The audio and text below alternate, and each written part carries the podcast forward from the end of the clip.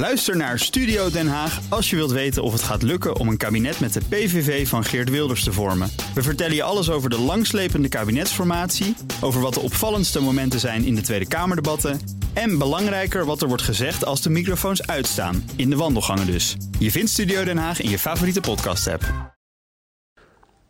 Bij elke verkiezing hoor je mensen mopperen over het enorme aantal partijen dat meedoet. Verhoog de kiesdrempel, net als in de buurlanden, dan ruim je al die 1 en 2 pitters op, betoogde mopperaars. Leidt Nederland aan kiesdrempelvrees en zou het iets uitmaken? Dat we uitzondering zijn, klopt. Om in de Tweede Kamer te komen moet je de kiesdeler halen, dus het aantal uitgebrachte stemmen gedeeld door 150, wat neerkomt op ongeveer twee derde van een procent. België en Duitsland hebben een kiesdrempel. Beetje kort door de bocht, maar je moet daar minstens 5% van de stemmen halen om een zetel te bemachtigen.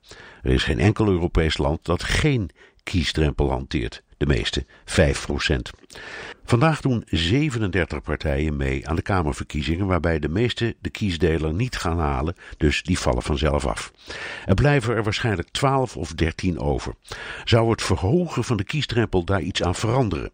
Wis en waarachtig, uitgaande van de huidige samenstelling van de Tweede Kamer, zouden de ChristenUnie, Partij van de Dieren, 50PLUS, DENK, SGP en Forum voor Democratie afvallen.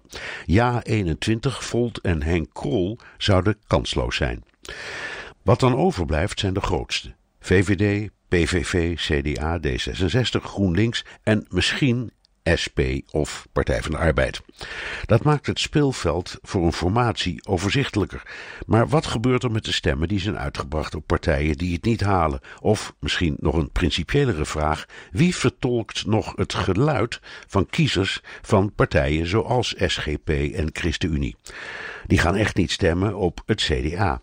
Hetzelfde geldt voor rechtse partijen als Forum voor Democratie en Ja21, die niets willen weten van de PVV. Kortom, alle kleine activistische partijen zouden uit de Haagse stolp verdwijnen en daarmee de nuance van de Nederlandse politieke ratje toe. De Tweede Kamer heeft wel eens een initiatiefvoorstel gedaan voor het invoeren van een kiesdrempel. Dat is toen gesneuveld en dat is maar goed ook. Met zoveel partijen in het parlement is misschien ingewikkeld, maar het siert de democratie. En laten we eerlijk wezen, doen de Belgen het met die kiesdrempel van 5% zoveel beter? Ook Diana Matroos vind je in de BNR-app. Ja, inderdaad. Je kunt live naar mij luisteren tijdens de Big Five. Ook handig in de BNR-app. Breaking nieuwsmeldingen, maar ook het allerlaatste zakelijke nieuws. En je vindt in de app alle BNR-podcasts, waaronder Wetenschap Vandaag. Download nu de gratis BNR-app en blijf scherp.